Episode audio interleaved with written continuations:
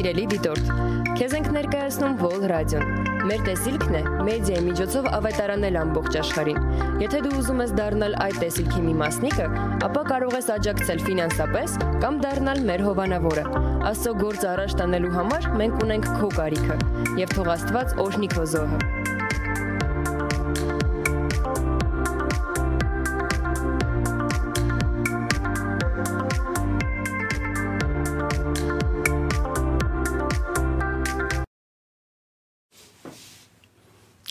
Ողջույն։ Radio-ի ուղիղ եթերում է հարցազրույց Հայաստանի կյանքի խոսք եկեղեցու ավակ հովիվ Արթուր Սիմոնյանի հետ։ 4 տարի առաջ հունվարի 21-ին տեղի ունեցավ մի դեպք, որը ցնցեց բոլորիս։ Երկինք գնաց Արթուր Սիմոնյանի ավակ դուստրը Աննա Սիմոնյանը 2 տարի քաղցկեղի դեմ պայքարելուց հետո։ Մենք բոլորս իրականում ապշած էինք, որովհետև սպասում էինք մեր պատկերացմամբ, մարդկային պատկերացմամբ հրաշքի, որը տեղի չունեցավ։ Ողջույն։ Ողջույն Մարսյան։ Շնորհակալ եմ, որ չեք մերժել այս թեմայի շուրջ խոսակցությունը, որովհետև այն իրականում շատ-շատ մարդկանց համար մխիթարություն ուղի գտնելու ճանապարհ է լինելու հովիվ ջան։ Գիտես, ճիշտ ասած, որ ստացա այս հրավերքը, որ խոսանք այս թեմայով, շատ անգամ մենք ցավը թաքցնում ենք ու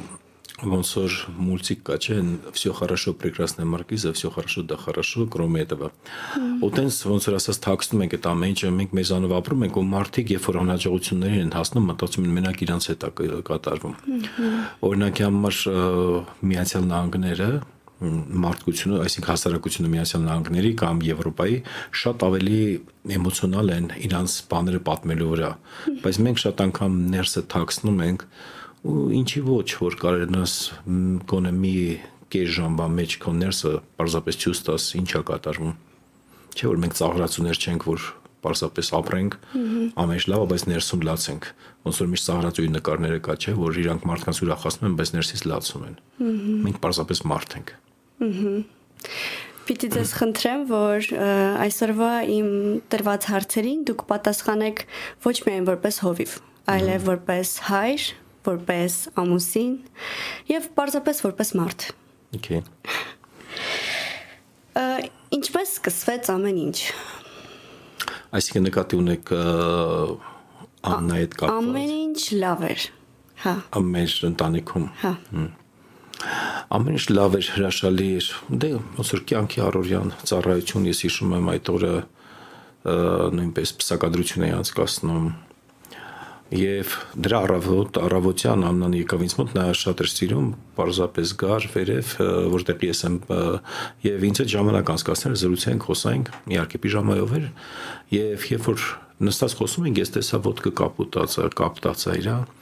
ասես ինչա դրանից առաջ մենք դահոկներ էինք քշել սարի վրա ասես երևի դահոկ բանից քշելուց խփել եմ որ լուսինեն տեսավ լուսինեն բժշկությունից շատ է հասկանում ասեց հակնվի մենք պետքա բժշկի գնանք ստուգման ու տենց շատ անգամ բան տեղ չդրեցինք ես ինքս գնացի ծառայության հերախոսանջատած էր պսակադրություններ անցկացնում պսակադրությունից հետո հերախոսը միացրեցի եւ այդտեղից սկսվեց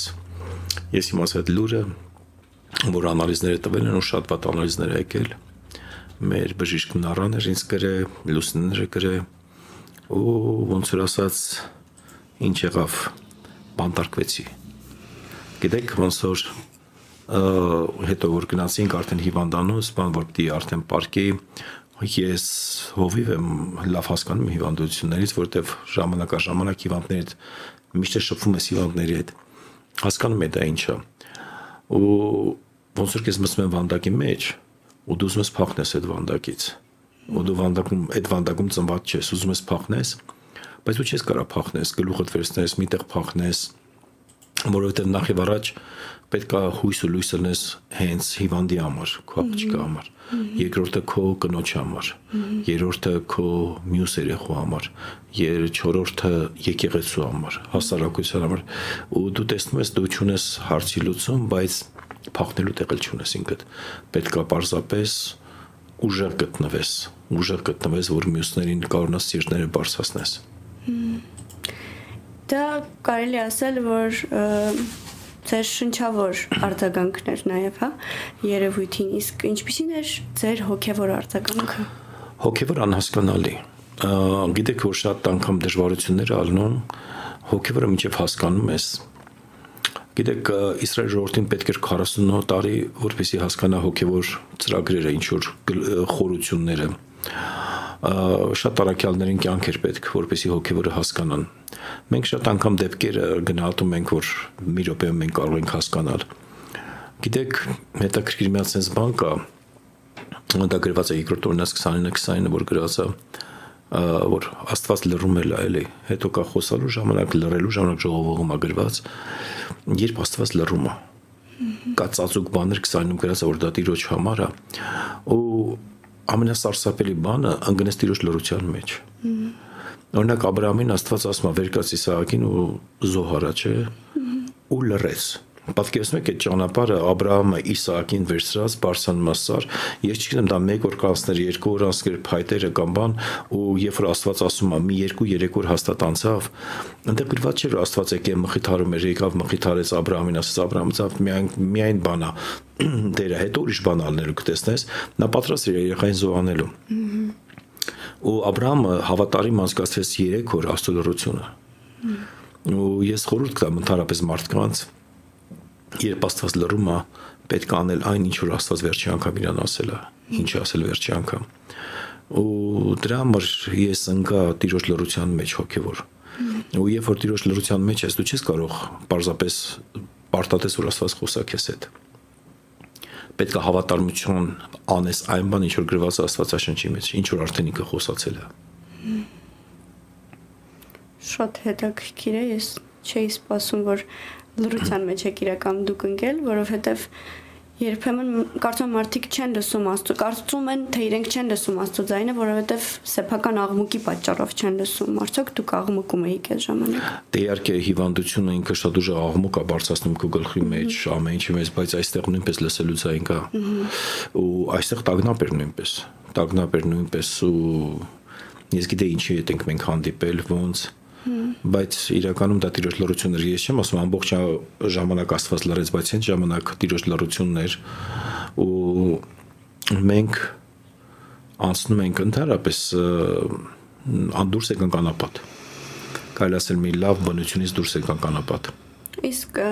աստծո ասում է որ չար բան չի մոտենա ձեզ ճիշտ է ինչի հիվանդությունը մոտեցավ ձեր դստերը Գիտես մաշ, որպեսի հասկանանք թե չար բան չի մոտենալ քեզ այդ խոսքը, ես ճիշտ ասած այդ հարցը նույնպես ասուն տվել եմ։ Որպեսի հասկանանք, մենք պետք է հասկանանք թե ինչա չարությունը։ Ինչա չար բանը։ Երբ որ ես տիրոջը Գերմանիայում ենք դեռ, որտեղ դա իմ սիրաստեղներ ու միջև այլ օգտագործում եմ այդ տեղը, մի ժամանակ չօգտագործեցի, մանորից օգտագործում եմ, որ չար բանը չի հասնի քեզ։ Հանկարծ Աստված ինձ հարց տվեց, ներսում ես Սուրբ Հոգու զորությամբ զգացի այդ հարցը, իսկ ինչա չարը։ Միթե մենք երբ որ ասում ենք չարվան քեզ չի մոտենա, մենք գիտենք դա ինչա չարը։ Գիտես Աստծո խոսքը ասում է՝ մի վախեցեք նրանցից, որ մարմինը կարան սپانեն։ Ավելի վախեցեք նրանից, որ հոգին կարա սپانի։ Հիմա տեսեք, իմ աղջիկս երկնքում է, ես գիտեմ դա 100%, հետո մենք կանրադառնանք դրան։ Եվ ես գիտեմ հանդիպելու ենք մենք իրան, սա էլ իմ հավատքն է։ Ուրեմն սուտ կլինի հհավատքը, որ ես հովվական ծառայության մեջ եմ, եթե ես հավատքը չունենամ,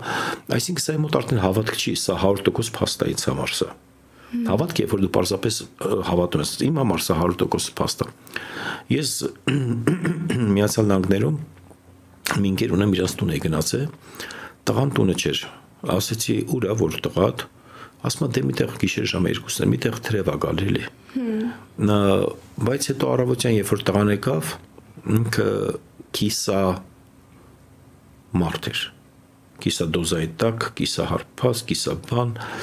ու ես իրան ասեցի, լսի, բավոր էր, բաց մա գիշերային անկում ակումբում էի։ Բայց քանի որ նա կենթանի է, հայրը չի մտածել, որ իր տնային վատ բանի մեջ է։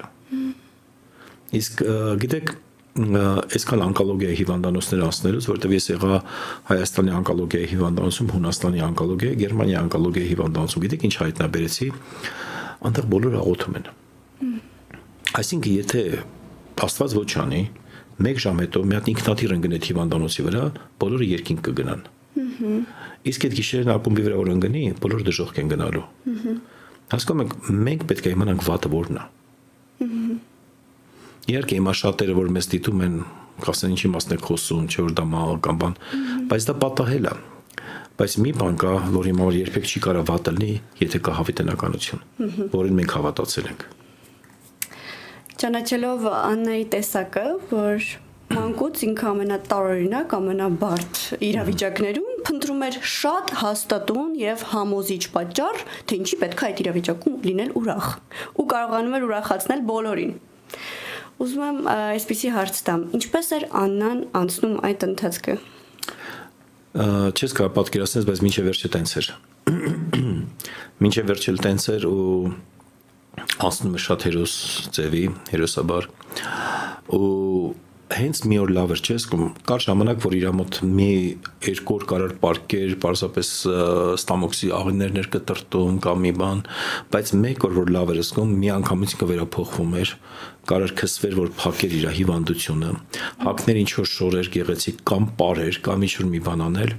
բայց գիտեք ինքը ուզում էր ուրախացնել իր ընկերներին, որ որը մտահոգված են կամ մի բան, ու այդ օրը, երբ որ ինքը տենց անում էր, բոլոր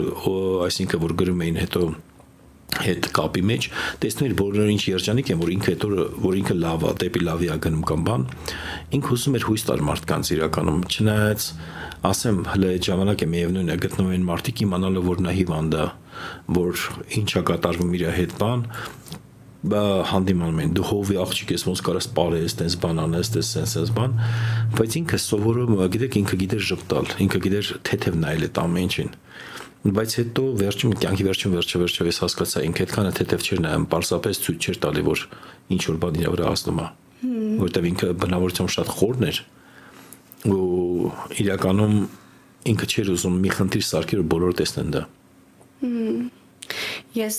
մի անգամ զրուցում էի Էսթերի հետ, ձեր փոքր աղջկա հետ, ու ինքը ինձ մի պատմություն պատմեց հենց այդ ընթացքում,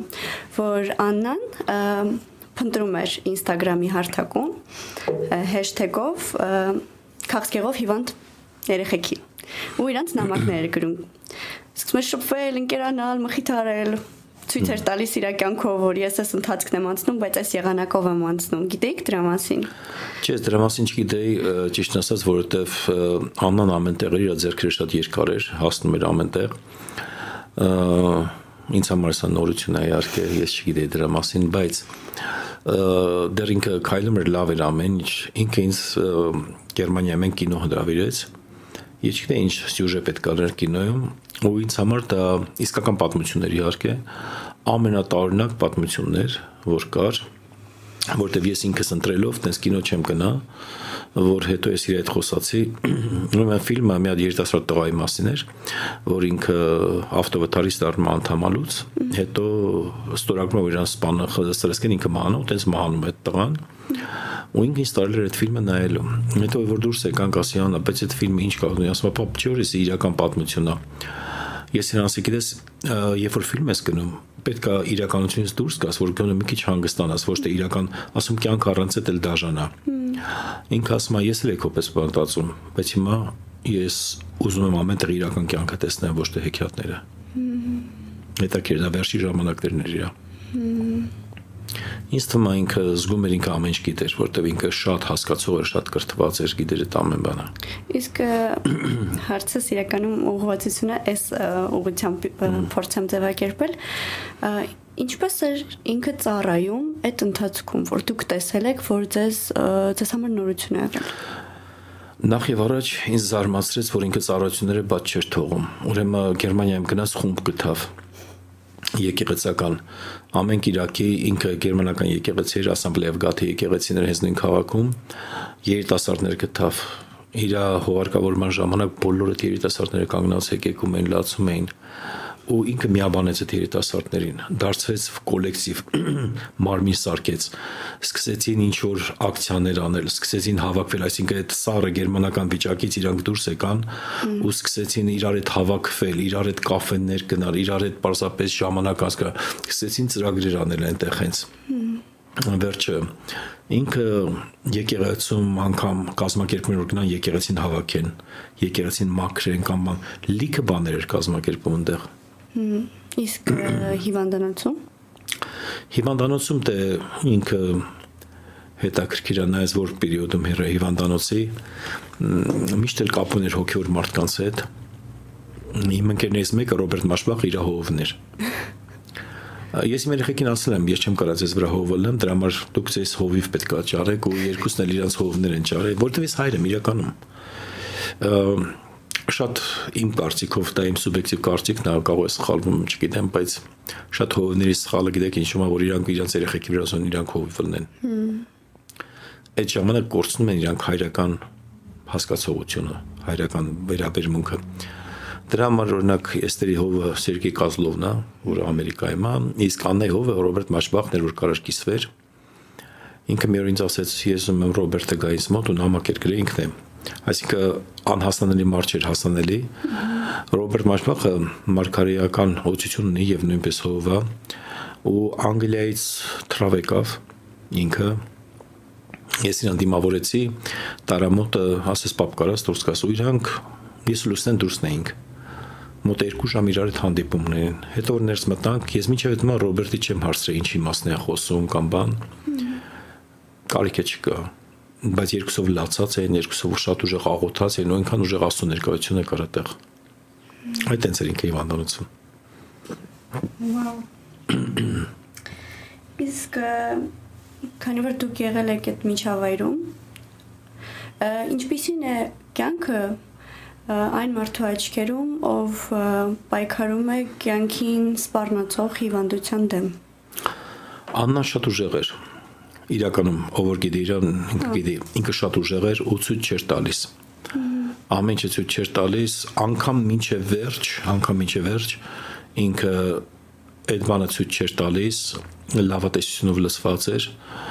իմանալով, հասկանալով իրավիճակը թե ոնց է, միևնույնն է ուզում էր մի բան աներ, ես իր թուլությունը տեսա առաջի անգամ իր երկին գնալուց երկու օր առաջ, որ ասես խնդրում եմ ինձ տարեք հիվանդանոց, որտեվ ցավերի մեջ էր արդեն։ Այսինքն որ խնդրում էր, որ օգնություն կամ բան, թե չէ մինչև դա դա չկար։ Ինքը ուժեղ էր տանում, հոգեոր շատ ուժեղ էր ինքը։ Իսկ կա մի խորհուրդ, որ Աննան տվել է ձեզ առհասարակ, որը դուք որոշել եք պահել մինչև վերջ հա մի երկու խորհուրդ կար ասենց ասեմ նախ եւ առաջ Աննան իմ ընկերս էր ոչ թե աղջիկս էր մենակ իմ ընկերն էր ինքը ու մենք շատ ընկերական հարաբերություն ունենք ես Լուսինենը ինքը լավ ընկեր էր ու հոգեոր շատ բաներ կիսվում է իր հետ անկամ իմ անձնական կյանքից կամ բան շատ կիսվում է ու գիտեք ինքը ինքան վստահություն ուներ որ կարող օգներ մի բանով քեզ ու ես գիտեի իր խորհուրդները ինչ որ տալիս է շատ արժեք ունեն այդ խորհուրդները երկու դեպք եղավ մեկը որ ասեց պապ Դավիթ ասում է մավաշուկի զորն է գնամ չարբարին չեմ վախենա ասում է մավաշուկը շատ սարսափելի է երևում բայց իրականում ինքը այդքան սարսափելի չի այնտեղ էլ ասում սարսափ սովորական կյանքի պես այնտեղ սարսափելի ոչ մի բան չկա եթե աստուն ճանաչում ես հետի մի խորհուրդներ երկրորդը արդեն ոնց որ ասած ինքը վատեր արդեն վերջի ժամանակներն էր ու բոլորը իրան նամակ են գրում աննա մենք քեզ սիրում ենք մենք քեզ սիրում ենք ես իրան ասի ան տեսնես բոլորը նամակ են գրում որ քեզ սիրում են բան ասես պապի մայից բոլորն են սիրում աստծարի քեզ մի հատ խորհուրդ տամ դա այդ խորհուրդը որ կարելի ասել դաչված տարավ իմ սրտի վրա կամ քանդակավեց ասма գիտես Հիսուսը ասում է Երանից ես եւ կնախատեն սխալ բաներ կասեն ասում է ես հիմա երազում եմ դառնամ այն ժամանակները երբ որ ինձ բամբասում էին վատ բաներ էին ասում ասում է պապ եթե քեզ բամբասեն կամ բան իմացի լավ ես երբ որ մի օր կգա ու քեզ բոլորը կասեն ես քեզ սիրում եմ իմացի դու մահացու հիվանդ ես արդեն այնպես որ մեր դիտողները Երբ որ հիմա մեզ դիտում են, եթե ձեզ բամբասում են, շատ վատ բաներ են ասում, գրում են բան, իմացեք, ուրեմն դուք լավ եք։ Լավ։ Իսկ ինչ է կարծում Հովի ջան, երկինք գնալը Աննայի ընտրություններ։ Ոչ իհարկե։ Աննայի ընտրությունը չէր Աննան միջև վերջել ինքը չէր ուզում երկի, այսինքն ոչ թե երկինք գնալը բոլորիս ընտրությունն ասենց ասեմ մենք երբ որ տիրոջ եկանք, մենք պատրաստ ենք երկին գնալու ժամանակին, բայց այդ ոչ ժամանակի մեջ նա всё-таки պայքարում էր կյանքի համար բայց հետաքրիր մի բան կար, որ ես մինչ Աննանքը Իվանդանար 2 տարի առաջ թե 1.5 տարի առաջ երազումս տեսել էի ինչ որ կատարվեց ամեն ինչը երազումս տեսել էի եւ դրա համար ես միշտ աղոթք անում որ Տերը փոխի սցենարը այդ երազը փոխի կամ մի բանանի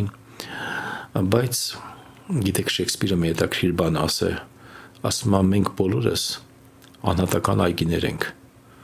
ու մեր կյանքը այգեպանի ձեռների մեջ է Բայց այդ երազը որ տեսել էիք, դուք հասկացել էիք, որ դա աստուց է։ Ճիշտ ասած, ես այդ երազին բան տեղ չի դրել, մտածում եմ, ես ինչ հիմար երազ էր։ Իսկ ինչ որ պատմել էիք։ Կնոջս կինս գիտեր դրա մասին, մենք պատմել ենք, որ կատարվեց այդ երազը, ոնց որ ասած հարություն առավ մեր մեջ, ու մենք աղոթք էինք անում, որ իրականում դա չպատահի, դա չկատարվի։ Ճիշտ ասած, հոգեոր ինչ ասես, մենք ինչ պիտի արվեր մենք արել ենք։ Այսինքն մարդկայինով ինչքան կարողացել ենք օգնել, օգնել ենք, բայց մնացածը աստվածային էր։ Իսկ ինչպիսին էր Հովլուսինեի արձագանքը ձեր երազին։ Այսինքն վերաբերում էր ոնց սովորական երազի, թե Չէ, իհարկե, նա ասես պետք է աղոթենք, որ աղոթեցինք եւ չեմ ասի այտենց գիտեք, այտենց բաներ որ լինում է չես հավատում։ Նամանանդ ես այդ օրը, գիտեք ինչ հասկացա դրանից հետո երբ Աննան երկին գնաց, հիմա իհարկե ես իմ դպրոցում որտեղ անցկացնում սովորացնում եմ դրա մասին, այսօր հոգեվոր հավատացյալ աշխարհը երազներին բան այնտեղ չի դնում։ ու չի համարում ինչ որ մի զգուշացում կամ մարգարական մի բան։ Մենք էլ դրա մեջ մեծացած ենք։ Գիտեք, կա երկու ծայրահեղություն, մեկը երազանների մոտ գնալն է, իսկ մյուսը երազներին բան այնտեղ չդնելը։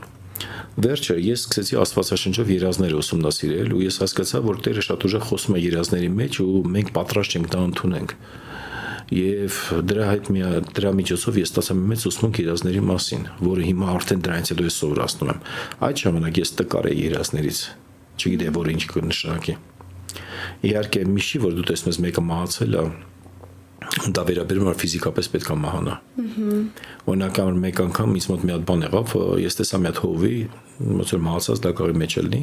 բայց այդ զգացմունքը, որ հեկեկալով լացելով արտանում ես այդ ստրեսը, այդ վախը չկար, պարզապես երազ էր։ Այդ է տարբերությունը։ Ես հասկացա ինչ է զանգեցի, ասի ոնց ես ասում լավ եմ ասում լավ չես դու հոգեոր մեռել ես։ Ու ինքը ասեց հովը ջան որտեղ իսկ իրոք շուտ վանից չեմ կարդում, չեմ աղոթում, վիճակս լավ չի։ Աստված մեր հետ խոսում է երազների միջոցով։ Այսինքն եթե նույնիսկ ես սա հարցնում եմ մարդկանց համար, ովքեր մտահոգվում են իրենց տեսած երազների շուրջը, եթե նույնիսկ տեսնում ենք վատ բովանդակության երազ, բայց չենք ունենում տագնապ ներքին, միևնույն աղոթելա պետք։ Կա երազներ, որ գալիս է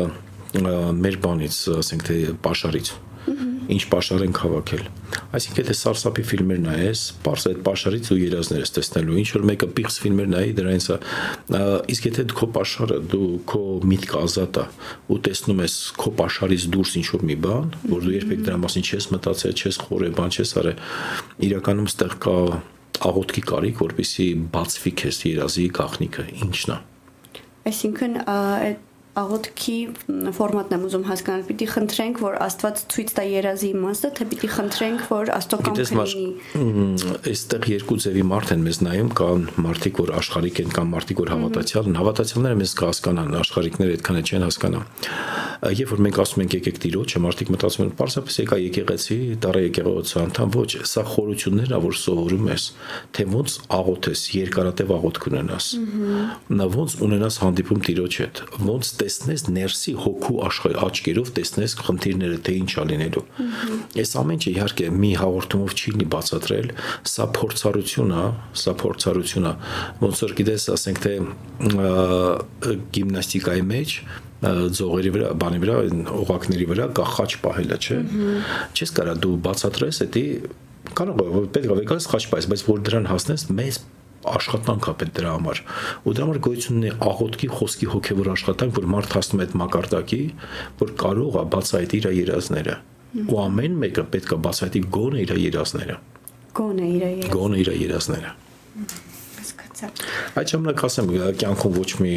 բան իր համար անակնկալ չի լինի, մի օր շուտ պատրաստված կլինի արդեն։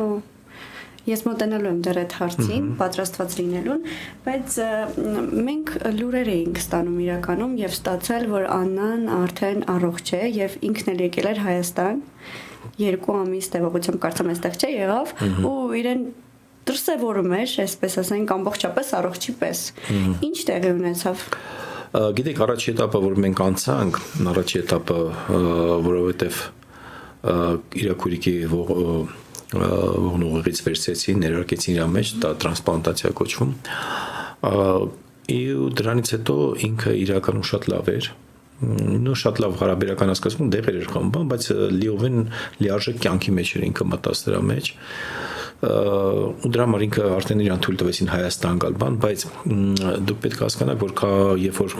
մարդու ներսում խասքեղ կա, ինչքան է մարդ լավը զգա, 100% բժշկությունը դա 5 տարի հետո կարող ես դու իմանաս, եթե որտեվ շատ անգամ կրկնվում է։ Ու չանցած փոքը մոտորապես մի տարի երևի ու իր մոտ կրկնվեց նույնը։ Այսինքն դուք չեք կապում դա ոչ մի հոգևոր ինչ որ փոփոխությունների հետ կամ բան, այսինքն հիվանդության դրսևորման տեսակներ եւ հիվանդության դրսևորման տեսակներ ոչ մի հոգևոր բաների չեմ կապում այդ։ Երկրորդ անգամ երբ այդ ամենը սկսվեց, Անան կոմա կոմայի մեջ ընկավ, չէ՞, եթե չեմ սխալվում։ Չեմ ասի այդքան կոմայի մեջ, մեզ բժիշկները բացատրեցին, որ այդ վիճակը տենց է, ինքը ցես լսում, հասկանում է, կարա պատասխանի, բայց իրականում բանը ինքը չէր կարողանում բացատրել, խոսալ չէր կարողանում։ Սկացա, իսկ եղել են ինչ որ տեսիլքներ կամ ինչ որ բաներ, որ Աննան տեսել է այդ ընթացքում։ Գիտեք, երկին գնալու ժամանակ հենց այդ երեկո ինքը մի կետեր նայում։ Ես մտեցասի ան դու հրեշտակներին տեսնում ես գլխով արեց ասեցի շատ են ասեց սենց արեց ու այդ կետին էր նայում ու միշտ էլ տես նայեցինք այդտեղ իսկ որ ասացիք դու տես դու տեսնում ես այսինքն դուք տեսնում եք հրեշտակներին ես չէ ինքն էր տեսնում Իսկ ինչպես հարցը ծնվեց, որ այդ հարցը հենց իրան տակ է պահին։ Որովհետև ես շատ եմ տեսել մարդիկ, որ վկայել են պատմել են, որ այսինքն հրեշտակները գալիս են մարդուն տանելու։ Ու դրա համար ինձ համար հետաքրքիր էր այդ հարցը, որ ես իրան տայ, որովհետև ինքը մի կետի էր նայում, իրականում չպետք է մի կետի նայեր։ Ու ես հասկացա ինքը տեսնում էր հրեշտակների բանակին, որ գալիս են։ Դուք ասացիք, որ Աստված, եթե մարդը ունի հոգևոր կյանք, հոգևոր ընթացք, հաստատ նախապատրաստում է գոնե մեկ օր շուտ։ Ինչպես եք դուք նախապատրաստվել։ Ես աղոթքի մեջ էի։ Ճիշտ ասած այդ ժամանակները թե ես թե իմ կինը երկար աղոթքների մեջ էինք լինում մենք ու երևի մի 3-4 ժամանակ աղոթքի մեջ էի ու ներսի հապշտակությունով ես հապշտակվեցի հապշտակվեցի երկինք ես տեսիլք տեսա դա այնքան իրական էր, ավելի իրական էր, քան ինչ որ մի բան։ Ու ես տեսա ոնց որ կինո կնայեր այտենց։ Ես տեսա Հիսուսին, ես տեսա երկինքը ու տեսա Աննայի տունը։ Մինչև հիմա կարող բացառեմ Սպիաբրազնի տուններ։ Ուրեմն մի կողմը գեղեցիկ պարտեզ էր, այգի մի կողմը, իսկ մյուս կողմը խոպան էր։ Ոչ մի բան մշակած չէր։ Ես Հիսուսին տեսնում եի հետևից ոնց ես ձեռքով բերի տա իրան ու Հիսուս ասեց Աննա ես գիտեմ քո ճաշակը բարձր է ես թողել եմ քո ճաշակով սարքես դա ու ես դրանից հետո սկսեցի առանձնանալ իրանցից ու sense գնում եմ ես տեսնում եմ ամեն ինչը ու երբ որ ես գնացի Աննան հետ չէր նայում ասում գոնե ինձ հետ նայ հաջողություն ասի ու ինքը հետ չէր նայում ու բացի դրանից ես տեսա երկինք այդ խաղաղություն այդ սերը ոնց որ ինքս այդտեղ կմնայի ու երբ որ ես եկա դեպի ինձ ես ուշքի եկա տեսիլքից հետո այդ ամեն ինչից հետո ես հասկացա որ ինքը երկինքա գնալու կնոջս ասացի ինձ վկայա իհարկե մենք շարունակեցինք աղոթել որ Տերը փոխի ծրագիրը բայց մենք այդ ամեն ինչը տեսանք Ոյ իսկ որ խոսքը ստացակ դուք որպես հովիվ, հա, այդպես պիտի արձագանքեիք, բայց որպես մարդ չզայրացաք իրավիճակի վրա։ Գիտես, ես շուտվանից չեմ գործում որպես մարդ։ Ես գործում եմ որպես աստծո զավակ, մարդ ու աստծո զավակ, ոչ թե միայն որպես մարդ։ իրավիճակի վրա դու կարող ես զայրանաս, բայց դրանով ինչ կփոխի։ Ոչ մի չի փոխվի։ Հենց այդ ժամանակ ժամանակ պետք է խաղաղություն գտնես, որ կարողանաս ճիշտ լուծումներ տաս։ Եթե զայրությանը տեղ տաս, կարող է կյանքդ ինքնասպանությունով վերջանա։ Եթե զայրությանը տեղ տաս, կարող է պարզապես վատ բաներով վերջանա քո կյանքը։ Եվ վերջը վերջով զայրությունը փչացնում է մի ուրիշի կյանքը։ Դա համար ես հասկանալով այդ ամեն ինչը երբեք զայրությանը տեղ չտվեցի։ Դուք այս իրավիճակում հանդես եք գալիս եւ որպես մի ամբողջական եկեղեցու հովիվ ու առաջնորդ եւ որպես ընտանիքի հայր եւ որպես ամուսին այսինքն դրանք պատասխանատվության ճյուղեր են ուզում եմ հասկանալ ընտանիք կառույցը ինչ փոթորկի միջով է անցնում ինչ տեսակ խնդիրներով է անցնում Գիտես Մաշա կան ցավեր որոնք անցնում են կա ցավ որին սովորում ես այսինքն ավելի ճիշտ կա վերք որը անցնում է կա վերք որին սովորում ես Աննայի պատմությունը մեր ընտանիքում վերք է որին մենք սովորում ենք այդ դրան ես չեմ հասկանում այն մարդկանց, որ ասում են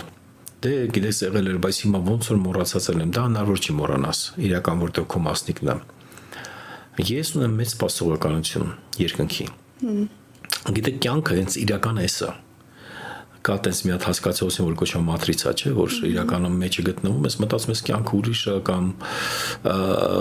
շատերի համար կյանքը հյուսային փողոցում է այսօր այս ամեն ինչը որ հիմա կատարվեց նոր կյանքը հյուսայինից մի 3 օրով կտրվեցին հյուսային փողոցից ու իրեն ինտերնետից հասկացան կյանք ուրիշ արժեքներ ունի մենք կյանքին հիմա նայում ենք ուրիշ արժեքներով ինձ համար դա երևի կրակի մկրտություն էր ես ունեի հոգու մկրտություն ջրի մկրտություն բայց ես անցակրակի մկրտություն ու իմ ընտանիքը նույնպես իսկ ներքին հարաբերություններ այսինքն ուզում հասկանալ եթե մարդը հովիվ է նա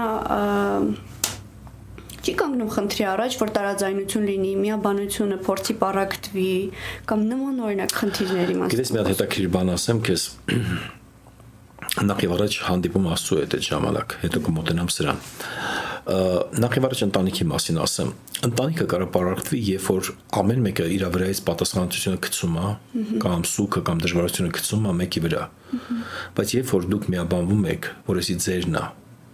էսի մեր սուքն է, Դա մերն է, ուրիշն չի, մեր հիվանդությունն է։ Կարծում եմ, սա ուժեղ միաբանություն է։ Կարող է էմոցիոնալ ինչ-որ վիճաբանություններ բանել, բայց իրականում սա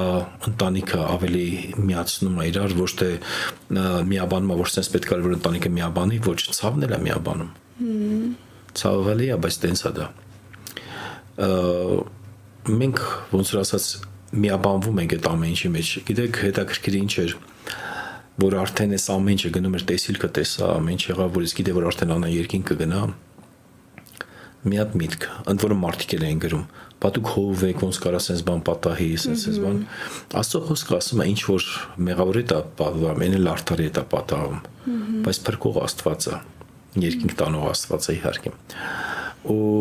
ես մտածում եմ, լավ, հիմա այս հով մարդ եմ, քարոզիչ եմ, ինչ մարդիկ իմ մասին կմտածեն։ Այնքան ուժեղ էր։ Ես կուզեմ, որ այսօր մեր ռադիոդիտողը, ռադիո լսողը ազատագրվի մի բանից։ Շատ եմ խնդրում, ազատագրվեք, թե չէ ողջ կյանքը դա տանելու եք, ամեն մեկը ինչ կմտածեն ձեր մասին մարդիկ։ Ու Աստված հանկարծ ինձ ասեց Սուրբ Հոգու միջոցով քո աղջիկը մահանում է, դու էլ մտածում ես էլի մարդիկ քո մասին ինչ կմտածեն, Սարոյի մասին ինչ կմտածեն։ Դա մի հատ ուժեղ ազատագրում եկավ իմ կյանքում ես միշտ դավանում եմ, որ կապ չունի մարդիկի մասին ինչ կմտածեն։ Կարևոր է աստծո կամքան եմ իմ կյանքով։ Հետո ես ասի, ինչ կապ ունի մարդիկի մասին ինչ կմտածեն։ Գիտես, ասի թող տեսնեմ, որ ես էլ ես ձևի մարդ եմ։ Ոնց է մեկի ոտը կտրում են, հետո ասում է լավ, ոնց անե, բա ոնց դուրս գա մարդիկի մասին ինչ կմտածեն։ Մեկը դուրս է գալիս, հա իմել ես ոտ չունեմ, ինչ եղել որ։ Ու ես հասկացա, եթե մեկը պետք է սրանից գայթակղվի, այսինքն սուքից գայ իմ դժվարությունից գայթակղվի ու ասի ես էլ դրան չեմ ուզում լսեմ, ես ինչ կարող եմ անեմ, եթե մենք գործում ենք Աստծո հետ, թող չլսի բայց մի հատ մեծ բանակ ավելացավ. Ողջ աշխարից, ողջ աշխարից։ Ես չեմ ասի դա հազարոք է, տասնյակ հազարավորներ, որ այս ցավով անցել էին, ու ոչ ոք չկար որ իրանց հետ խոսար, որտեղ բոլորը գեղեցիկ լռել էին։ Իսկ ես խոսացի եւ բանակը բարձրացավ ու այդ մարդիկ այնքան շնորհակալ էին իրականում Ով իսկ կային մարդիկ, ովքեր այդ դժվարության ընթացքում երես թեքեցին ուղակի։ Ճիշտ ասած իմ մոտիկ մարդիկ իմ մոտիկ մարդիկ, իմ ընկերներս աշխատան, աշխատանքային ընկերներ, իմ հարազատ ընկերները, հարազատները այն ում հետ ես կապ ունեմ, ու իմ հարազատ եկեղեցին, որը երես չթեքեց։ Մնացածը կապ չունի։ Կարևորը մնաց։ Իսկ ասում են պետք է ուժեղ լինել նման իրավիճակում, չէ՞։ Միշտ մարդիկ սովոր են ասել ուժեղ եղեք, ուժեղ։ Ո՞րն է ուժեղը, որ իրավիճակում դավանում են մեկ այլ բան, թե իրավիճակին կանգնել ու հասկանալ, որ դու գտնվում ես հիմա այդ իրավիճակում ու խոսել դրա մասին։ Կարծում եմ ոչ ոք չի կարող ուժեղ լինի։ Եթե տերը չտա մեր ուժեղությունը կախվածությունա տիրոջից ինչքան աստված քո հետ է այդ օրը ու քեզ կարող ուժեր տա ուժ տվողը մեկ աղբյուր աստված է Մարդը իր ներսից չի կարող իրան ոնց որ ասած դավանի ուժեղություն ու ինքը ուժեղ չլինի։ Մենք բոլորս թույլ արարածներ ենք։ Պարզապես ես իրավիճակը մի բան մեզ սովորացրեց, որ անգամ դժվարությունը պատվով պետք է ընդունես։ Ոչ թե ընկնես կետնին, թավալ տաս, որ բոլորը քեզ խղճեն, խղճարական բանկ դրամապ չպիտի սարքես։ Դու պետքա պարզապես կարողանաս պատվով ընդունես ամեն տեսակի վերքերը որը կյանքը քեզ տալիս է այդ ժամանակներն ես հայտնի ասեցի որ կյանքը անդաստիրակ մատուցող է ու մեկ-մեկ մեզ մատուցում այն ինչ որ մենք չենք պատվիրել Իսկ այդ երկու երկու տարի է չէ անցել ոնց որ այդ ընթացքը որ անան բուժում էր անցնում այդ ընթացքում դուք ծառայել եք չէ Այո Այնքան եմ ուզում պատմեք ծառայության մասին, ինչպես եք դուք ծառայում բեմում, երբ որ հասկանում եք ձեր աղջիկը անցնում է մի հատ շատ դժվար ընթացք ու ուշք ու միտքը ինչպես էր, ուր էր կենտրոնանում։ Շատ դժվար գիտեք, բայց ես մի բան գիտեմ, Աստծո խոսքը չի ասում գնա քո կյանքը պատմի, ասում Աստծո խոսքը քարոզի։ Ես ցույց եմ տալ Տիրոջ իմ հավատարմությունը, ասեմ ավելին, ես ավելի էի ծառայում, քան ու երբևիցե։ Եթե առաջ ես աղոթում, քարոզում էի կամ բան 2-3 ժամ, ապա այս ժամանակ արդեն 6-7 ժամ։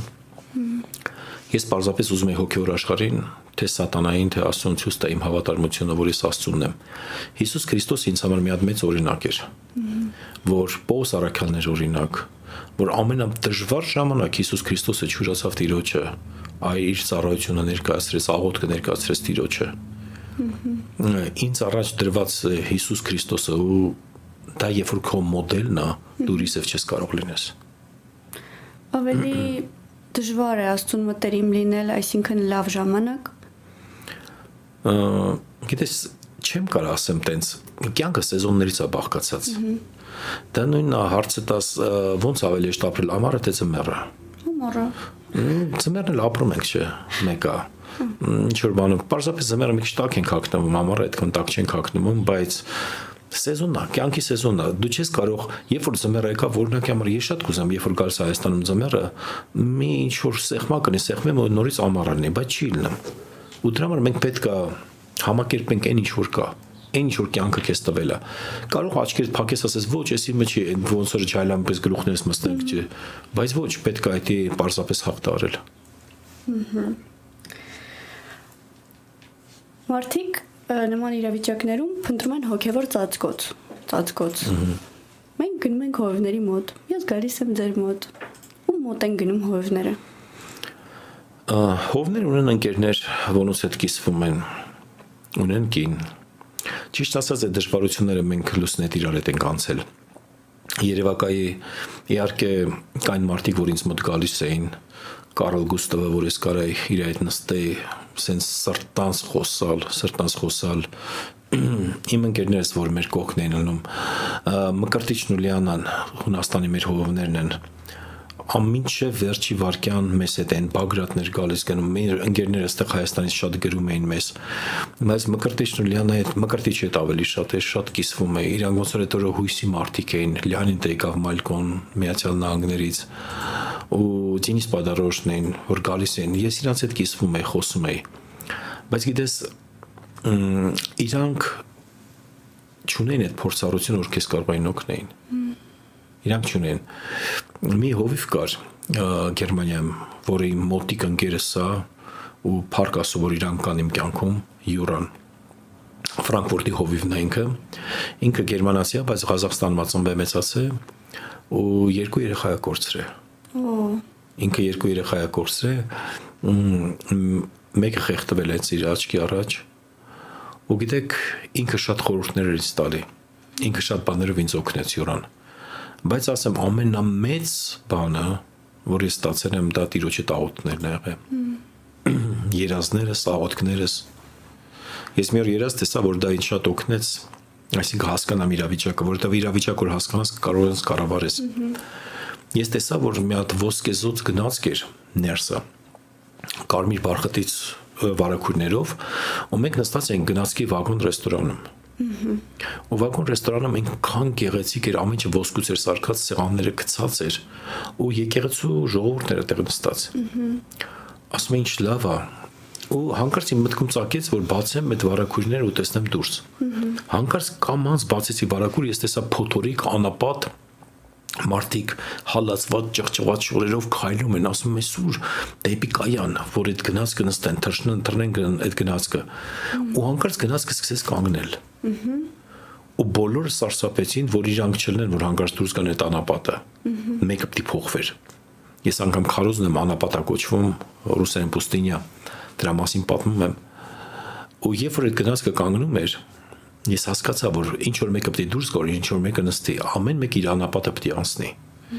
Ու հանկարծ մենք ընտանիքով դուրս արեցինք ու գնաց կգնաց։ Ու ես տեսա այդ փոթորիկի մեջ բոլորը հիասթափված նստած ու տենց մահանում էին։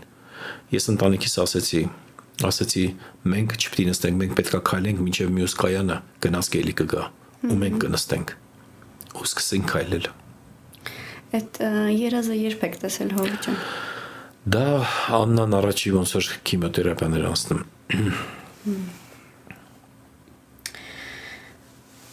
Ամ նման հարց։ Շատ հաճախ մարդիկ ասում են, որ իրենք նեղացել են Աստծուց։ Առհասարակ հնարավոր է Աստծուց նեղանալ կամ ինչպես չնեղանալ Աստծուց, որովհետև սիրտը տնկճվում է, ինչ որ մի բան ես զգում, որը չես կարողանում կառավարել ամեն դեպքում։ Մաշես հովվական ծառայության մեջ եմ 30 տարի։ Ինձ թվում է դա արդեն անստիվ է, որ կարելի է փորձառությունը պատմես։ Անցկացրել եմ բազոն հոգեոր կոնսուլտացիաներ, մարդկանց համար աղոթել եմ։ Տեսել եմ մարդ կորցրած կին, կին կորցրած տղամարդ, տեսել եմ երեխա կորցրած մարդիկ, ծնող կորցրած երեխաներ։ Բաժանված, չգիտեմ, ինչպես բրիշկի մոտ հովի մոտ է շատ քիչ են մարդիկ գալի, որ խնդիր չունեն։ Խնդիրներ շատ եմ տեսել։ Ու գիտես, ինչ էր իմ հարցը մարդկությանը։ Բոլորը որ գալիս էին, բոլորը մեղադրում էին Աստված, բայց ինչի Աստված չօգնեց։ Գիտես, ինչ ինչը վերջ ես չտեսա մեկին, որ սատանային մեղադրի։ Չգիտես ինչի բոլորը Աստծուն էին մեղադրում։ Ես Աստվածաշուչ կարդացող մարդ եմ ու ես տեսնում եմ սպանող, կորցնող, գողացողը դա սատանան է։ Մի անգամ ես աղոթում եմ աղջիկա համար մայից հետո իհարկե ասում եմ դեր նո ասենք դելներ Աֆղանիստանում միտեղ տշտամիները ավետարին համար սպանած լինեին այդ ուրիշ բան կլներ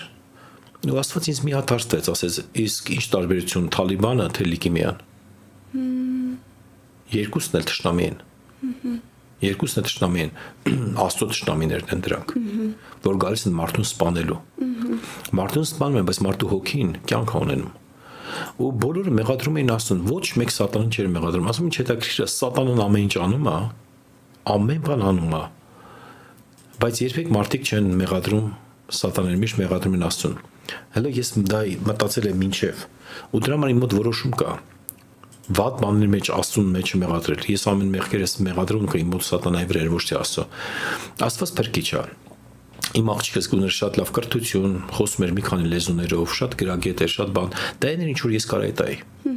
Ու ամենակարևոր բանը, որ ես իրան կարայի տայի, փրկությունն էր, Հիսուսին հավատալը։ Ու գիտեք, կյանքի վերջում միայն դա էլ պետքա գալ հենց։ Ճիշտ եք ասում։ Հովիվ դուք անցել եք մի ընթացքով, որ ինչպես ասացիք, շատ շատերը չեն անցել ու չգիտեն ինչպես վերաբերվել մի մարդու, ով անցնում է նման սարսափելի փոթորկի միջով, որովհետև կյանքի օրենքն այնպեսին է, որ երեխան է ծնողին ճանապարհում եւ ոչ հակառակը։ Ինչ մոտեցում պետք է ցույց տալ այդ մարդկանց։ Գիտես, եթե ասելու բան չունես, գոնե հոբի բարեկամները ամենամեծ սխալ բանը արեցին, որ սկսեցին խոսալ։ Ամենաճիշտ բանը արեցին, որ 7 օր իր այդ նստեցին ու լռեցին։ Պետք է մարդու կողքը լուր նստես։ Ավելի շատ մեծ օգուտ կտվաս կլես, քան ինչ որ բան խոսաս։ Եթե ասելու բան չունես։ Գիտեք,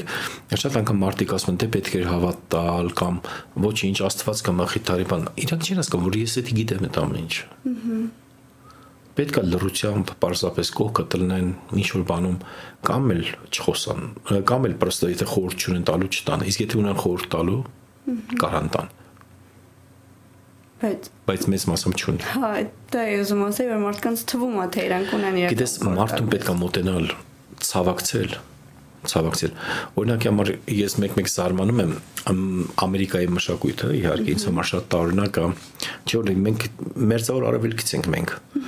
այնտեղ որ մարդ մահանում է հավատացյալը ուրախանում են մեկ եք տեսես ապարում է համուսնես երկնքում է բայց ես ավելի գնահատում եմ որ ասում եմ Ստեփանոսի համար սուկ արեց եկեղեցին որ կա մարդու մոտ սքի ժամանակ դա էլ է մեզ համար ու դրա համար շատ անգամ լրությունով պետք է անցնել լրությունն էլ խոսելու ձև է ճիշտ է մարդու կողք կլնես ու լրես իսկ Ինչ եք դուք զգում։ Ինձ միշտ դա հետաքրքիր է եղել, որովհետև ես որպես մարդ, ով ամբողջ կյանքը կյանքում ճանաչում եմ եւ ձեզ եւ Աննային, միշտ չեմ իմացել, արդյոք կարելի է Աննայի մասին խոսել։ Ինչ եք զգում։ Կարելի է խոսել։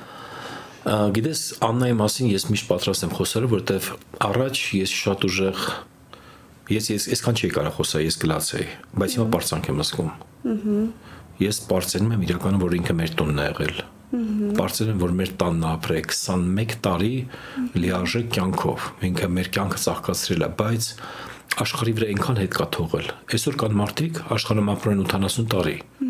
բայց մի փոքր ծտի հետ կել չեն թողում կամ վատ հետ կեն թողում այսօր իրանից հետո իր բանաստեղծությունները պատտվում է իր հոդվածները կրկնվում է իր գրածով երկեր են գրվում, իր գրածով երկեր են գրվում։ Ծառայությունները։ Մարդիկ մեզ վկայություններ ուղարկում, որ Աննան փոխեց իր կյանքը։ Հայաստանով մեկ մարդիկ կերակրվում են իր ծառայությունը մինչև այսօր։ Մարդիկ ինձ անկարում են, փողեր են փոխանցում, որpիսի իրականում մենք հասնենք յուղերը զում ծրագիրը բոլոր աննային բաններ ինքը երազում էր որ բոլոր երեխաները լավ կոշիկներ ունենան լավ կոշիկներ ունենան մեկին տեսել էր գյուղերից մեկում կոշիկ չուներ եւ դա իր համար սրտին ցավացել էր։ Գիտեք, մինչև այսօր նա Կարլ Գուստավը հիմա մոտս կա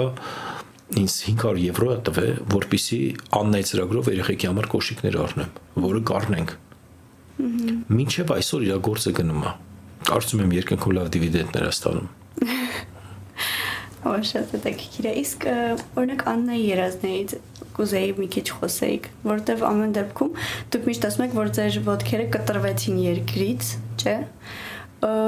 Աննան էլ հաստատ ինչ որ երազներ տեսել է, չէ՞, հոգեվոր բնույթի, այսինքն ինքը նախապատրաստված է եղել, ինքը գիտակցել է, որ գնում է։ Կարծում եմ, հա, բայց Աննան այդ մարդը չէր, որ իր երազը դու կարար իմանայր։ Ինքը ինչքան բաց էր, այդքան իր ներսով փակված էր։ Բայց ես մի հատ հետաքրիր երազ տեսա, որ անգամ Աստվածաշնչյան ես չեմ կարող բացատրեմ այդ ամեն ինչը իմիջիայս առաջի անգամ սա պատմում բոլոր համոլտիկները գիտեն, բայց մասսական առաջի անգամ պատմում երազումս տեսնում եմ, որ Աննայից հետո էր դա, որ Տերը տենց խոսած ինձ հետ Աննան եկել է ու ես երասից մեջ գիտեմ, որ ինքը մահացած է ու ինքը երկնքում է եկել է պատմի թե ոնց, թե ինչ։ Ինքը շատ ուժեղ փառավորված էր, նույն տեսքով էր, բայց ավելի գեղեցիկ, ավելի տենց ոնց որ հավիտյան ինքը։ Ու չգիտեմ ինչի դա կատարվում է Սան Պետերբուրգում։ Ուրեմն Աննային ով ճանաչում է գիտեր որ ինքը սարկազմիկ հումորներ ուներ սարկազմի թագուհիներ։ Հա, թագուհիներ։ Ու նորից մարդկանց էս հումորներ էր անում, ասում Աննա դու էլ այդ հումորները անում, ասա պապ ես նույն Աննան եմ, երկնքում չեն փոխվում։ Անդեղ եմ անում։ Ոխ։ Ասեցի ու ես իրան ասում եմ, բայց ինչի էս ամեն ինչը պատահեց ասում ա գիտես ես ամենալավ մարդկանց հետ ապրել եմ կյանքի դժվարությունը պետք է սկսել ես երկինք եմ գնացել ասեմ բայց չէ որ շուտ էր կամ մի բան հետաքրիր մի բան ասած ապա դուք այս աշխարհի ժամանակով եք մտածում ոչ թե հավիտենական կտրվածքով ասես գիտես աստված պատրաստվում է իր երկրորդ գալստին շատ անգամ դուք մտածում եք ինչի են լավ մարդիկ գնում երկինք մահանում են լավ մարդիկ բայց աստուն ըստեղել է մարդպետը կնդեղել ինքը հավաքում է զորք իրագալուստի համար մենք այդտեղ դասեր ենք անցնում կամ բան ասի ուզում ես ասես որ աստված մարդու կարիք ունի ասում հա աստված մարդու կարիք ունի ըստեղել ընդեղել բայց չի աղոթում որ թող քո արքայությունը գա թող քո կամքը լինի աստված երկու տեղն է արքայությունա կառուցում բայց դա մի արքայություն ասում է ու հետո մենք մոտենում ենք մի հատ տաճարի սաբորը ենք մոտենում տենց ու ուժեղ հերթաթեղ ունի ինքը վազում է մտնում է հերթ անցնում առանց հերթի մտնում է ներս ես իր այդպես վազում ինձ թույլ չեն տալի ասում գնա հերթ կանգնի ու ես տենց արթնանում եմ լուսնի հետ գտնվում ենք Սան Պետերբուրգում գնացել այնտեղ քարոզելու երկու սողնդեղ էինք ու ես հովից խնդրեցի, որ այդ երեկո չքարոզը մենք գնանք այդ տաճարը մանգանք, սաբորը մանգանք։ ու գնացինք ինչներ հետաքրքիր, որ Սան Պետերբուրգում շատ տաճարներ կան։ ու գտանք այդ տաճարը մենք։ Ու գիտեք, իրական էր։ Իրական էր, իրական այն տաճարը, որը մե ես իմ երազում տեսել էի։ Լրիվ իրական ու գիտեք, այդտեղ երեք հատ դուր կար երեք հատ դուր կար այդ տաճարում, ուրեմն մի դուրը ես տեսա ինքը մտել էր աջ կողմի դուրը ու ես ասեցի մենք պետք է մտնենք մենք տոմս գնացինք դա ոնց որ ասած դուր էր ու բարձացանք վերև դա տանում էր կուպլ 360 աստիճան էր, որ բարձրանում էր դեպի իր բարձունքը, ու տեղից կռիշից կտուրից տերիր մեր բոլոր Սան Պետերբուրգը, բայց գիտեք ինչ, նկարները ոնց որ քերով բեներ այնտեղ պաշտպանածել են ու հանկարծ իմ ընկերս որը շատ լավ գիտեր այդ տաճարը ասում դու գիտես ժողովրդի մեջ ոնց է կոչվում այդ աստիճաններ ասի ոնց ասում կոչվում աստիճաններ դեպի երկինք Պարզապես Աստված ոնց որ դրա խորհուրդը ցույց տար որ դա հավիտենականության մեջ է ինքը Ինչ է դա քիրա Իսկ Աննայի համար Մենք բոլորս դա կներեք, ասեմ Իսակովսկի սաբորն էր դա։ Ահա։ Մենից վանաստիկ հաստատ գնալու եմ տեսնեմ մի հատ։ Երիտասարդներին առհասարակ մարդկանց կյանքում լինում են, չէ՞, մարգարեություններ, աղոթքներ, ապագայի հետ կապված կային ինչ որ տեսակի, չգիտեմ, մարգարեություններ, խոսքեր, ուզում եմ ասել հակադարձող ինչ որ բան կար։ Աննայի կյանքում շատ մարգարեություններ ա եղել, որ ինքը աշխարհի վրա մեծ ազդեցություն ա թողել։ Ահա որը եւ ես հիմա տեսնում եմ եղավ իր կյանքում մեծ ազդեցություն եղավ ինքը նման չէր բոլորին ինքը ինձ մի օր գիտեք ինչ ասեց ասում է պապ ես կողը տարնակ մարդ եմ ասի ինչի ասում ինչի չեմ սիրարվում բոլորը սիրարվում են կամ բայց ինչի ես չեմ սիրարվում ես կարծում եմ ինքը երկնային էր իր բնավորությունով իր ամեն ինչով ոնց որ իրականում մի փոքր կտոր երկնքից ըներ, որ չկա մի մարդ, որ իր ծանոթը լինի ու ինքը աստեցություն թողած չլինի մեկի վրա։ Իր վերջի անգամ գրառում ասում է, ես ուզում եմ դե որ սոխը միշտ կտրում է սոխերը լացածում են չէ մարդուն երևի կարդացել ես իր գրառումներից վերջինները որն էր ասում նենց կյանքով պետք է ապրեմ որ բոլոր սոխերին պարտադրեմ լացել այո ուղարեց ուղարեց Ինչ կասեք հով այն ընտանիքներին, ովքեր եւ հավատացյալ են եւ ոչ, որ անցնում են նման ճանապարհով։ Գիտես, սարսափելի բանը առանց հավատքի սրա մեջ անցնելը։ Իրականում թշնամուշ չեմ ցանկանա այդ բանը։ Ես կարծում եմ, այդ մարդիկ պետք է Հիսուսին ճանաչեն, որ Հիսուս իրանց հետ խոսա ու իրանց սրտին մխիթարություն տա։ Իրանք չունեն մխիթարություն, իրանք ունեն խղճահարություն, բայց ոչ մխիթարություն։ Իրանք պետք է ունենան մխիթարող Աստծուն։ Իսկ ով հավատացյալը, ես խորհուրդ կտամ, որ կյանքին նայեն հավիտենականության կտրվածքով, ոչ թե միայն 80 տարվա կտրվածքով։ Կարծում եմ իրանց հարազատը, որ հիմա երկնքում է, իրանց պարտադրում է, որ կյանքին հավիտյան նայեն ու ճիշտ արժեքներով նայեն այս կյանքին։ Դեպքից անցել է 4 տարի, Դուք միշտ ցույց եք տալիս, որ դուք ուրախ եք, որ ամեն ինչ լավ է։ Մի անգամ ես ձեզ հարց էի տվել, ինչպես եք, որ, որ ոչ թե որպես Արտուր Սիմոնյան հովիվ, այլ որպես մարդ։ Ու դուք ինձ ասել էիք, որ ձեր կյանքում ձմեռ էր։ Ահա։ Ձեր կյանքի գարունը սկսվել է։ Գիտես, ավելի շատ մարտը։ Որ մեկ տակա, մեկ ցուրտը, իհարկե ուրախություն, ես այսօր ծառայող եմ։ Շատ անգամ դու պիտի մոռանաս Մարտ Արտուր Սիմոնյանին, որովհետև Աստված քո վրա քահանական հագուստ է տվել։ Ու գիտեք ինչա քահանական հագուստը, որ կարևոր չի ինչա քո կյանքում կատարվում, կարևոր ինչա ասո խոսքը խոսում եւ դու պետք է անես։ Լավ, մի հատ բան ասեմ, եթե ես այսօր տխրության մեջ նստեմ, բան ինչ օգուտ կբերեմ մարդկանց։ Ոչ մի։ Մեկը ես ուզում եմ մարդկանց կյանք տամ։ Անկամ այս իրավիճակում ես մտածում ինչ կաներ իմ աղջիկը։ Մարդկանց կուրախացներ։ Եվ ես որոշել եմ իրական տենց շարունակեմ ու ես չեմ խաղում ուրախ մարդ։ Ես արտադրում եմ ուրախություն։ Իսկ դու կաղոթում եք հիվանդների համար, որ բժշկվեն։ Միշտ ու շատերը բժշկվում են, որովհետև դա ասո խոսքն ասում։ Իմ փորձը չի, որ ինձ պիտի առաջնորդի կյանքում։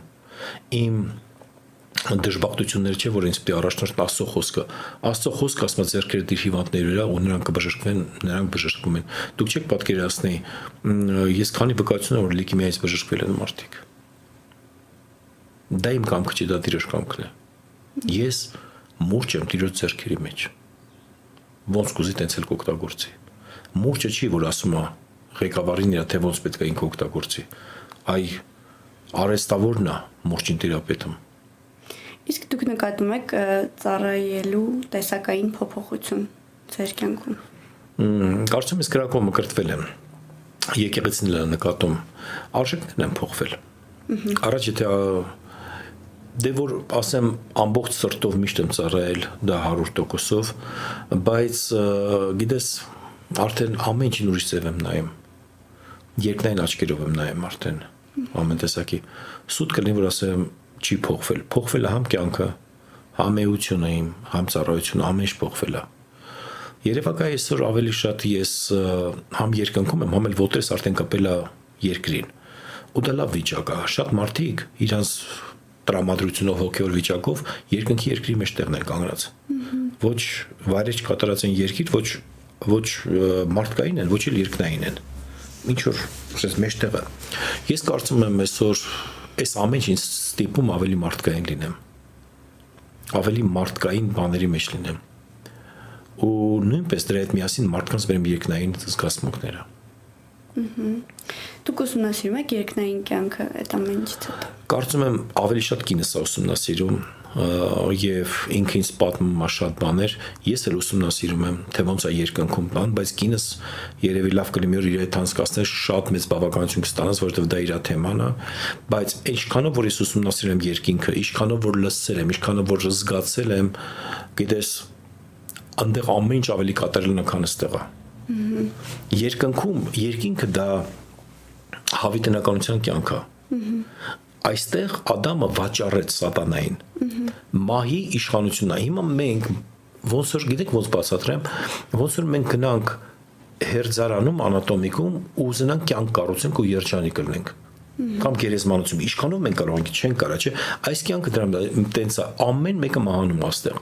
մահանում է ծաղիկը մահանում է ծառը մահանում է այս բարսախոսները շուտով կգցեն մահանում է այս ամեն մատերիան մահանում աստեղ քեզ ծաղիկ նվիրեցին դու գիտես վաղը ինքը գեղեցիկ է լավն է բայց վաղ իրան շպրտելու ես որովհետև ինքը մահացավ իսկ մահանում է մարդու դեմքը մարմինը բոլոր կոսմետիկայի ֆիրմաները բարգավաճում մարդու մահվան վրա որովհետև ամեն օր միկրոբները մահանում են մարդու իսկ դրանց ուզում են հարություն տան կամ չլեր մահ պլաստիկ օպերացիաները չեն լինի բայց երկնքում հավիտենականությունն է ոչ թե մահվան աշխարհը այ հավիտենականության աշխարհը այնտեղ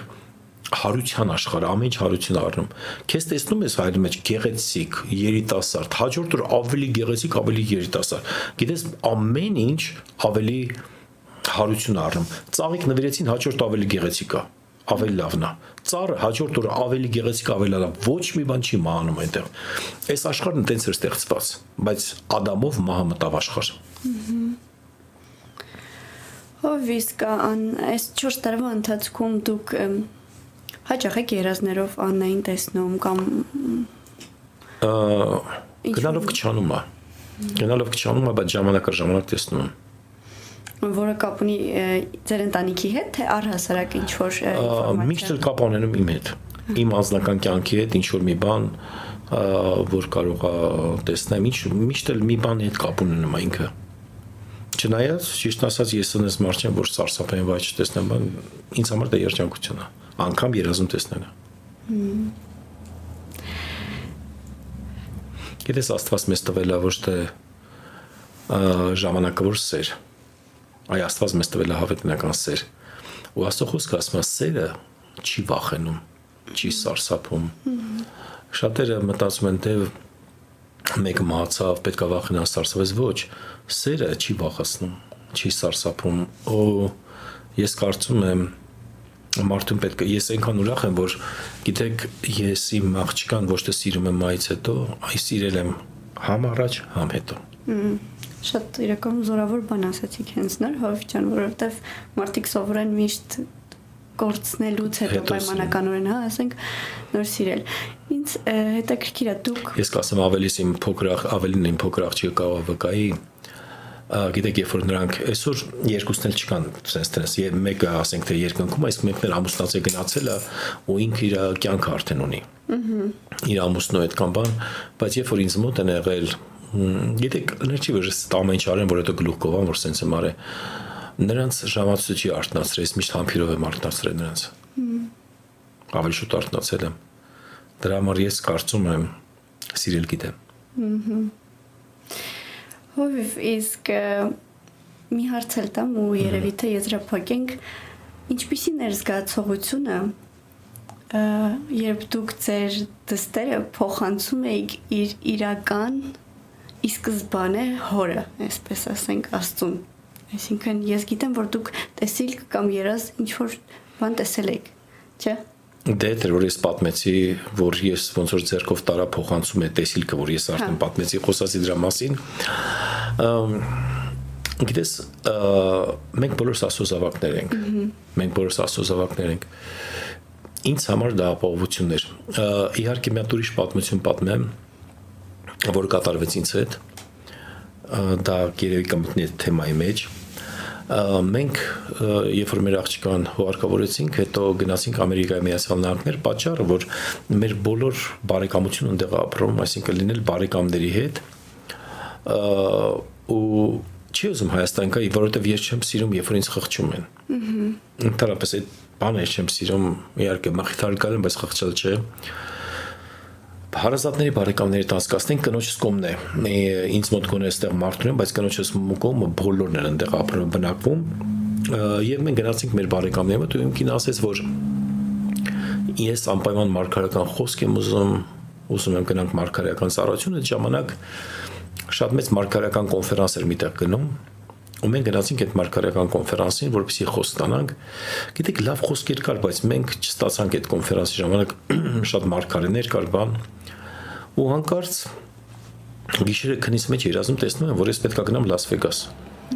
Գիտեք, ամեն տեղ, բայց ոչ Լաս Վեգաս։ Մենք գիտենք Լաս Վեգաս ոսոր մեղքի աշխարհն է կամ բան, չնայած Լաս Վեգասում մեղավորը մեղ է գտնում, լավ բաները շատ կան։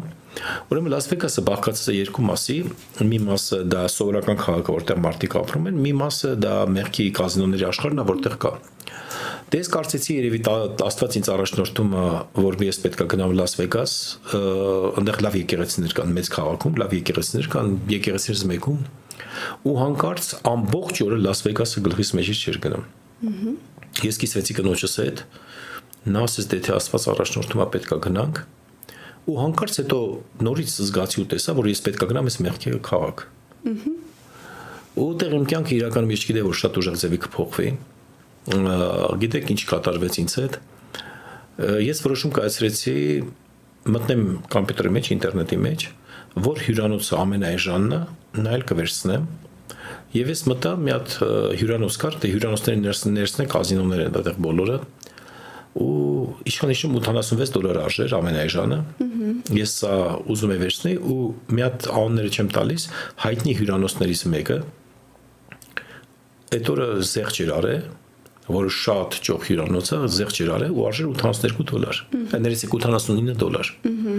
Բայց ես ուխտ է արել տիրոջ հետ, որ պետք է վերցնեմ ամենայժանը։ Ես այդ մարդը չեմ, որ 3 դոլարը կարող փսոսեի, որպեսզի չվերցնեմ այն մեկը։ Եվ ես վերցեցի այժանը։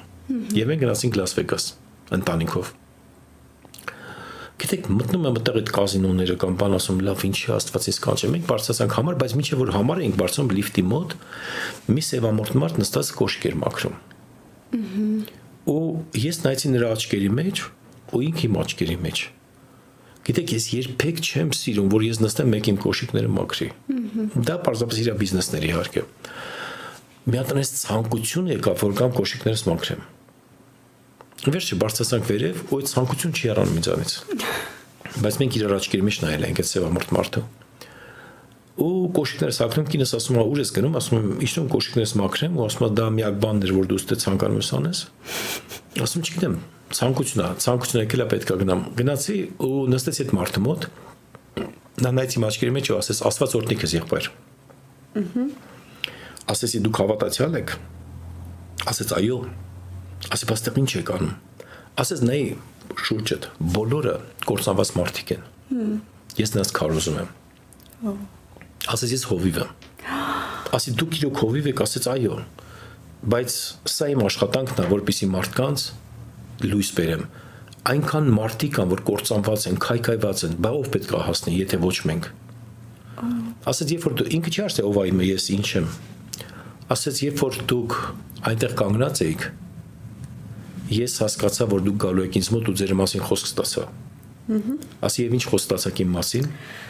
Ասма գիտես, Տեր ինձ տեսիլք ցույց տվեց, որ մի մեծ պարտեզ ու դուք այդ պարտեզի պարտիսպանն եք։ Ահա։ Ունեք սիրած ծաղիկ։ Ու մի օր դիրոջը դուք հրավիրեցիք ձեր պարտեզ եւ ասեցիք վերցրու ծաղիկներ։ Նա թողեց բոլոր ձեր սիրած ծաղիկը վերցրեց ու տարավ երկինք։ Ու դուք հիմա պարտեզին տիրություն չեք անում ու պարզապես սքի մեջ հիաստափված նստածեք։ Բայց Աստված ասեց, որ ես ասեմ, այդ մի ծաղիկն է ապահովության մեջ։ Հհհ։ Մնացածը վտանգի մեջ են, խնամի ծաղիկները։ Վաու։ Ես ասի եղբայր, Տերը քո ասեն գիտի, ասես դա ի՞նչ է նշանակում։ Ասինց Հայաստանից բերել է քո մոտ, որ դու ասես նա ինձ գրկեց, ասում երբեք էս խոսք ինձ ոչ ոք չի ասել։ Հհհ Գիտեք, այդ մարդը իրականում շատ հայտնի է, որովհետև բոլոր տեղերը թնդում են նրան ու այս պատմությունից ես Ամերիկայում եմ պատմի ամեն տեղ էլ։ Նա հազոր անձնավորություն է եւ նրան կոչվում են Աստծո մարդ իրականում։ Այսենց Տերը խոսած այդ մարդու միջոցով հետս։ Ու կարելի է համարել, որ դա ինչ որ մեծ տեսակի հենց Աստծո կողմից մխիթարություն 100% ու ոնց որ գրկախառնություն եղավ ցես դա դա խղճահարություն չէր դա մխիթարություն էր դու արսեր տալի ինչ խոսան այդ բաները պետք է խոսան Դե դա պիտի ստանան աստուծո որ խոսեն։ Դե ինձ դա մենք պետքա ձգտենք, երբ որ մարդուն մոտենում ենք Տիրոջից մի բան ստանանք։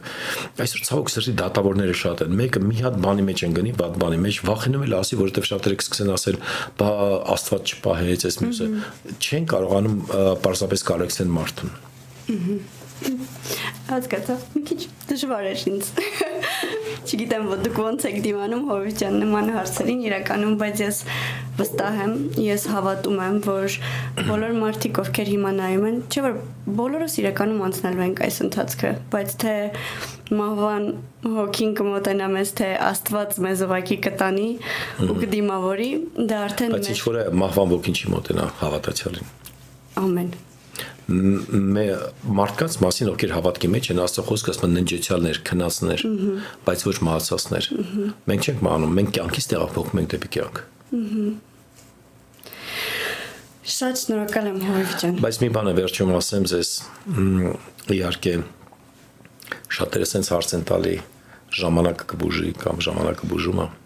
Մի բան ասեմ, ժամանակը բուժելու իմանար իրան կբուժեր։ Նայեք պատմությունը ողջ, կյանքի պատմությունները, պատերազմները, ինչի ժամանակը չի բուժը։ Միթե ժամանակը բուժել է հայկական կոտորածը, գենոցիդները։ Ոնց կա մեր սիրտը ցավը տենց է ցավում։ Բժիշկը միայն Աստվածը։ Աստվածա բուժողը։ Ժամանակի վրա հույս մի դրեք։ Կարող եմ ձեզ խնդրել, որ աղոտ կառաջնորդեք Հովիճան հատկապես այսօր այն մարդկանց համար, ովքեր անցնում են նման օրինակ վիճակով, իրավիճակով, որ เป զի նրանց կյանքում գա եւ մխիթարություն Աստծո կողմից։ Հայր իմաստված Հիսուս Քրիստոսի զորավորանով ես աղոթք եմ անում. Ամեն մարդու համար Տեր, որ հիմա նման իրավիճակով անցնում է, կամ էլ ինչ որ բաներ պետք է անցնի, խնդրում եմ Տեր, որ դու ելնես իրանց Աստվածը, առաջնորդես իրանց։ Ցույց տուր մեզ, որպեսի հավիտենական տեսիլքով տեսնենք, հավիտենականով նայենք ամեն ինչին Տեր։ Խնդրում եմ օգնի այդ մարդկանց քաջալերի ու բարձրացուրյան սիրտը Տերիմ, որ երբեք իրականում կյանքում չանձնվեն Տերիմ։ Հիսուս Քրիստոսի անունով։ Ամեն։ Ամեն։ Բայց մի բան եք ուզենայի ավելացնել սրանով երևի կվերջացնենք Աննայի կյանքից։ Ես մեկ անգամ արդեն sense ոնց որ ասում ես սլումը որ հիաստապություն բան sense հազիվ կին սպանում եմ ու իրան տվեցի մի երևա կա ինձ թվում շատ հիմար հարց ասի ան բայց ինչի դու ասես պապ կարաս իրեք պատճառ ասես ինչի ես չէ այս նորոք փակենք իրականում այս այս պատմությունը այս ամեն ինչը երիտասարդության մեջ մեծ արտնություն բերեց որովհետև մենք բոլորս ես նույնպես եւ բոլորի մեր ընկերները ընդհանուր հասկացանք, որ մենք իրականում երկրի վրա անձեռնմխելի չենք ոչ մեկ։ Ու երբ որ ես իմ, իմ Instagram-ում կա այդ կադր, որ ինքը ծաղիկը գցում է ու շատ երևի հազարավոր մարդիկ գրում էին Աննա կհանդիպենք երկնքում ես մի գրառում արեցի հետո ասեցի գիտեք իրականում մի բան կուզենամ որ դուք հանդիպեք ձեր կյանքը այնպես անցկացնեք որ հանդիպեք իրականում Շատ շատ զորավոր խոսքեր եք ասել Հովիճան։ Շատ շատ շատ շնորհակալ եմ։ Ես վստահ եմ, որ այս թեմայի շուրջ որքան խոսենք, այնքան կարող ենք Ասա, իմիջիալից առաջի անգամ էր հայկական ինտերվյու sense այս թեմայով, ճիշտ ասած, երևի ժամանակը էս էր։ Շնորհակալ ենք շատ Հովիճան։ Տեր օրհնի քեզ Մոշեջան, քեզ է քեզ ինձ շնորհակալ։ Շնորհակալ ենք ձեզ նույնպես, որ մեզ հետ եղաք եւ ասում ենք առայժմ կհանդիպենք։